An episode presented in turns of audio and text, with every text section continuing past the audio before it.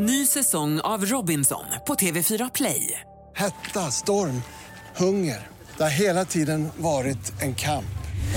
Nu är det blod och tårar. Fan händer just nu. Det. är Detta är inte okej. Robinson 2024, nu fucking kör vi! Streama söndag på TV4 Play. Jag var och handlade på Bäckebol i en eh, stor tysk eh, butik som heter Bauhaus, kan man säga det? Ja, nu gjorde jag det i alla fall. Och eh, jag betalar i kassan och går ut till bilen en gångväg på Vad kanske... köpte du?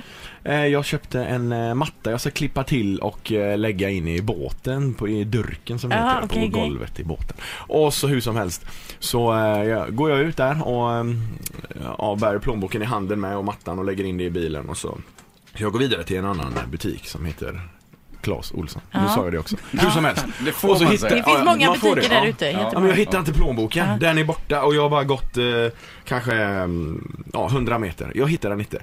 Jag letar överallt, jag kollar i bilen, jag har knappt gjort något i bilen. Jag har bara öppnat eh, bakluckan och eh, där ligger den inte. Vad är det som händer? Så jag går tillbaks in, ja ursäkta ligger det en plånbok här i kassan kvar? Nej, och så hon tittar och så snällt eh, den här kassörskan och hon hittar ingenting. Så går jag till eh, kundtjänsten där och bara, har ni fått in en borttappad plånbok? Ja, var inte du här för en liten stund sedan? Nej, det var Ja, jag det är en inte. skåning där alltså. Ja, Ja. ja men eh, det var en äldre man här för en liten stund sedan som också hade tappat en plånbok. eh. Och då tänkte jag, två plånböcker borta på 10 minuter, tjuven är lös här. Ja. Ja, det här är suspekt, eh, säger han. och jag blir, jag blir så här, ah, tjuven är lös och det var en liten lång kö och jag var ju så här panikartad så jag, jag trängde ju mig fram lite vid kundtjänsten där och liksom plånboken är borta och de hörde ju det de fyra, fem personerna som stod i kön och tittade på mig. Och jag gick ju och muttrade förbi där. Ja, tjuven är lös sa jag. Tju- tänk på det nu. Det är, det är en tjuv här. Det är en tjuv här. Och jag var så förbannad och jag, jag går tillbaka, sätter mig i bilen. Vad är det som händer? Jag hittar den inte. Jag var stressad. Och. Så jag åkte iväg då och bara, ja nu är plånboken borta och det är ju någon tjuv där. Tänk om man kunde få, få tag i övervakningsbilderna och allting från kassan. det här är galet. Så jag ringer ju min bank och spärrar mina kort och det är ståhej och jag är ju irriterad. Och, ja, det är galet. Sen på kvällen så, ehm, ja, så liksom har jag lite påsar under hatthyllan i bagaget. Eh, som jag, ja, jag ska återvinna lite grejer.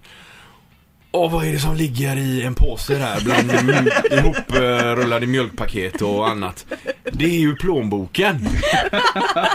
Trots, jag tror fortfarande det var en tjuv igår Ja, ute på har Bäckebo. smugglat tillbaka den Ja, inblandigt. han har Ja. lagt den i mitt bagage. Han blir rädd Men det liksom. var din då, inte den där gubben som hade varit där innan? Nej, det var det faktiskt inte. Frågan Det är var vad mitt hans lägg där i. plånbok tog vägen då. Exakt. Ja. Nej, så jag är fortfarande lite upprörd här. Men pinsamt ändå. Men kan man anspärra sina eh, kort när man Nej, har... det tror jag Det går absolut inte bara, ah, du förresten, jag gjorde Men skulle ju fel, tjuven kunna göra det om Ja men det går man har väl personliga koder och grejer. Eller vadå, kan jag ringa och spärra dina kort? För det hade jag gärna gjort annars. Jag har inte så mycket att spärra på Thomas dem. hade blivit glad om inte annat. eller? Ett poddtips från Podplay.